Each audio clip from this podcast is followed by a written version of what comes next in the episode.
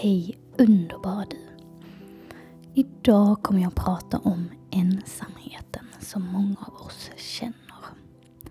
Den som verkar i hjärtat och som får oss att känna oss utanför allt det där som alla andra gör. Välkommen precis som du är till podden Det är coolt att vila med mig,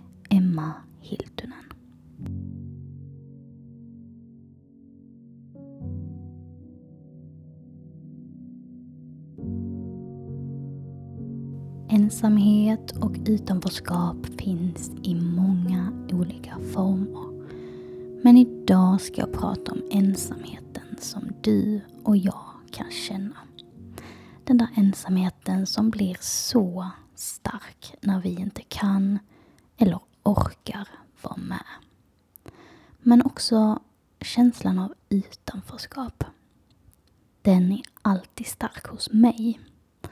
Och antagligen är den det hos dig också. Hur jag än vrider och vänder på mig själv så finns det alltid en känsla av utanförskap på något vis. Utanför allt det där som alla andra bara gör. Och jag hinner aldrig ikapp er. Den stora anledningen till varför jag har den här podden är just för att skapa en känsla av gemenskap i det här mörkret som vi ständigt befinner oss i. Jag vill inte att du ska känna dig ensam och jag vill inte heller göra det.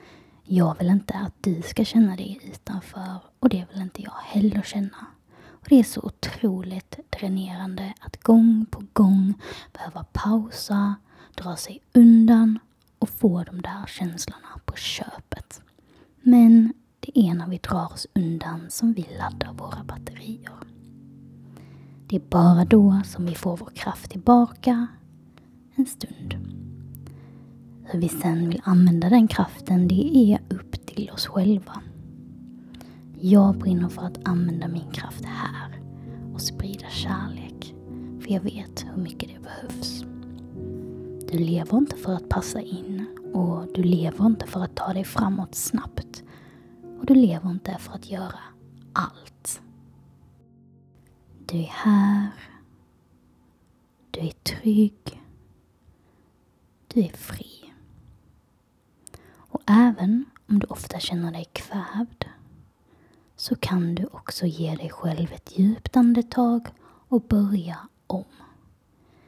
Tänk medvetna, snälla tankar om dig själv. Du fixar detta.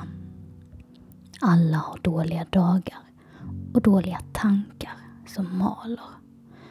Men det finns ingenting bra med att känna sig ensam och att känna sig utanför. Och jag vet hur svårt det är att vända just dessa känslorna. Men det är här vi måste värdera om. Se på världen på ett nytt sätt. Se på vår energi på ett annat sätt. Och se på oss själva på ett nytt sätt. Du är den viktigaste personen i ditt liv. Du är här för att leva på ditt sätt i din egen takt. Även om kanske samhället, familjen, vännerna, arbetsplatsen eller någon annan person förväntar sig att du ska vara på ett annat sätt eller tycker att du ska rycka upp dig och vara snabbare så handlar det om deras okunskap om just hjärntrötthet. Hade de fått testa en eller två dagar i ditt liv hade de säkert tänkt om en stund i alla fall. Det handlar om erfarenhet. Har vi inte fått uppleva ett tillstånd är det svårt att förstå det. Vi kan inte klandra de andra. Det enda vi kan göra är att fokusera på oss själva.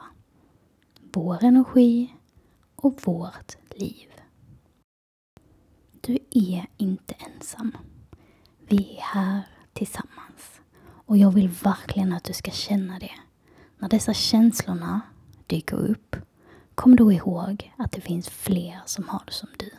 Vi kämpar och sliter och vi gör alltid så gott vi kan.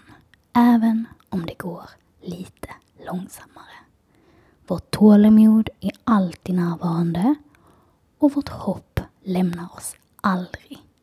En stund i taget. Välj dig själv tills nästa gång vi hörs. Du behöver inte förklara för någon annan som inte förstår. Välj bara dig själv och var dig själv. Du vet vad du behöver göra och inte göra för att ta dig igenom dagarna med lite mer glädje och lätthet. Tack för att du lyssnade och vill du komma i kontakt med mig så finns jag på min Instagram coolt att vila. Puss och kram.